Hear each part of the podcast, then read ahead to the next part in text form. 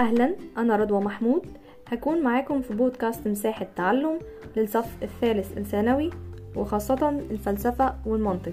هنكمل مع بعض الجزء الخامس من الموضوع الأول وهو الفلسفة وقضايا البيئة. اتكلمنا في خامس حاجة عن موقف الفلاسفة المعاصرين وعرفنا إن كل واحد فيهم كان ليه موقف معين وأفكار معينة سواء كان بيتر سينجر وأيده توم ريجان وكمان كان ألدو ليوبولد. وأخلاق الأرض. تالت واحد معانا النهاردة اللي هنتكلم عليه هو أرني. نايس بيقول حاجة جديدة خالص وهي الأيكولوجية الحديثة. هو عمل مذهب وسماه الأيكولوجية الحديثة. وكلمة أيكولوجي دي يعني دراسة بيئية. وهنلاقي من معناها هنا احترام القيمة الذاتية لكل الكائنات الحية بغض النظر عن مدى فائدتها للإنسان أو هي بتفيده بإيه والمبدأ الأساسي للأيكولوجية العميقة بأن البيئة المعيشية كلها لازم أن يكون فيها احترام للحقوق لكل اللي عايش فيها وازدهارها بصرف النظر عن الفوائد اللي بتجيب نفع ليها أو لاستخدامها البشري.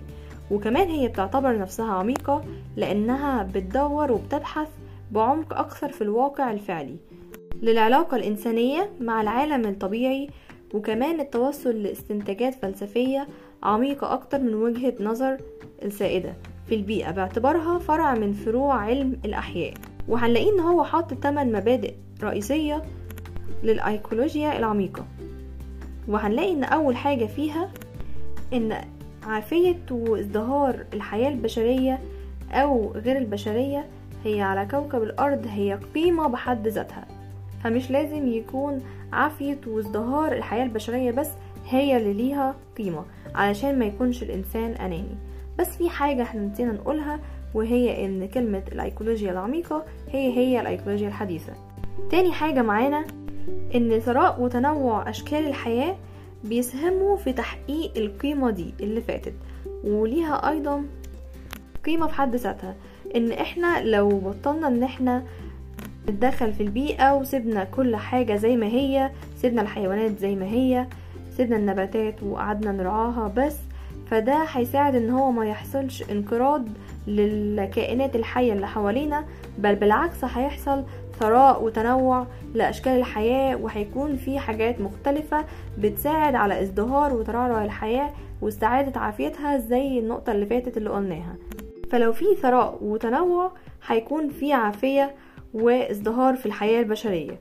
تالت حاجة وده هيجيبنا لتالت نقطة إن مش من حق الإنسان إن هو يبدأ يعمل نقص في الثراء ده أو يسد احتياجاته بإن هو يعمل إنقاذ في الثراء ده. فتالت نقطة إن ليس للبشر الحق في إنقاذ هذا الثراء والتنوع لأجل تلبية احتياجاته الحيوية.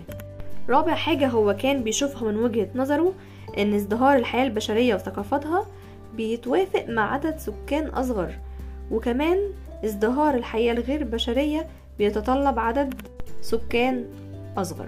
فهو ده كان وجهة نظره إن هو كل ما كان عدد السكان أصغر في البيئة فده هيساعد على ازدهارها.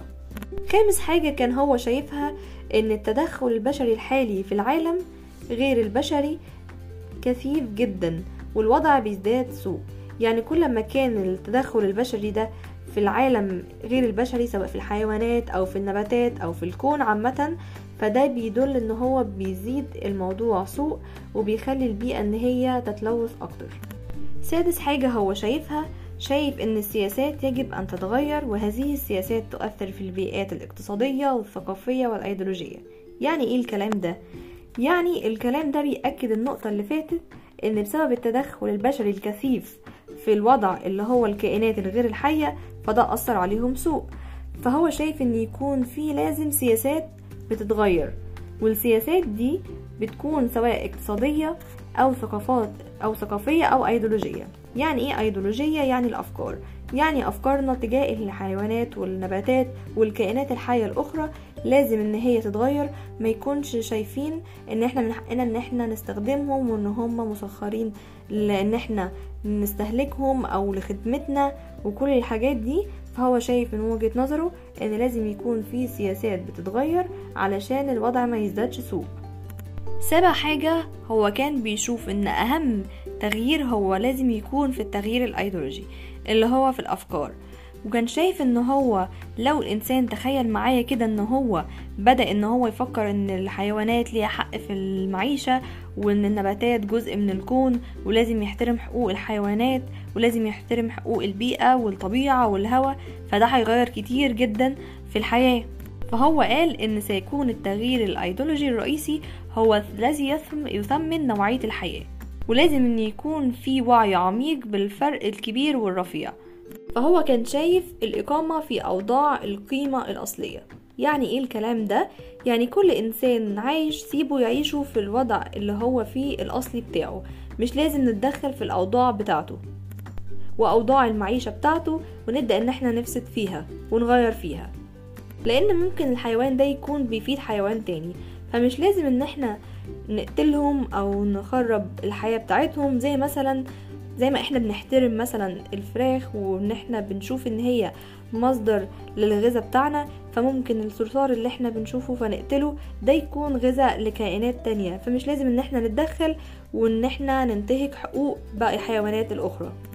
تامن نقطة هو شايف إن أنت لو مؤيد كل الأفكار اللي فاتت دي فأنت عليك دلوقتي إن أنت تلتزم مباشرة بكل الحاجات اللي فاتت علشان يحصل تغيير في العالم. وده كده كان رأي أرني نايس.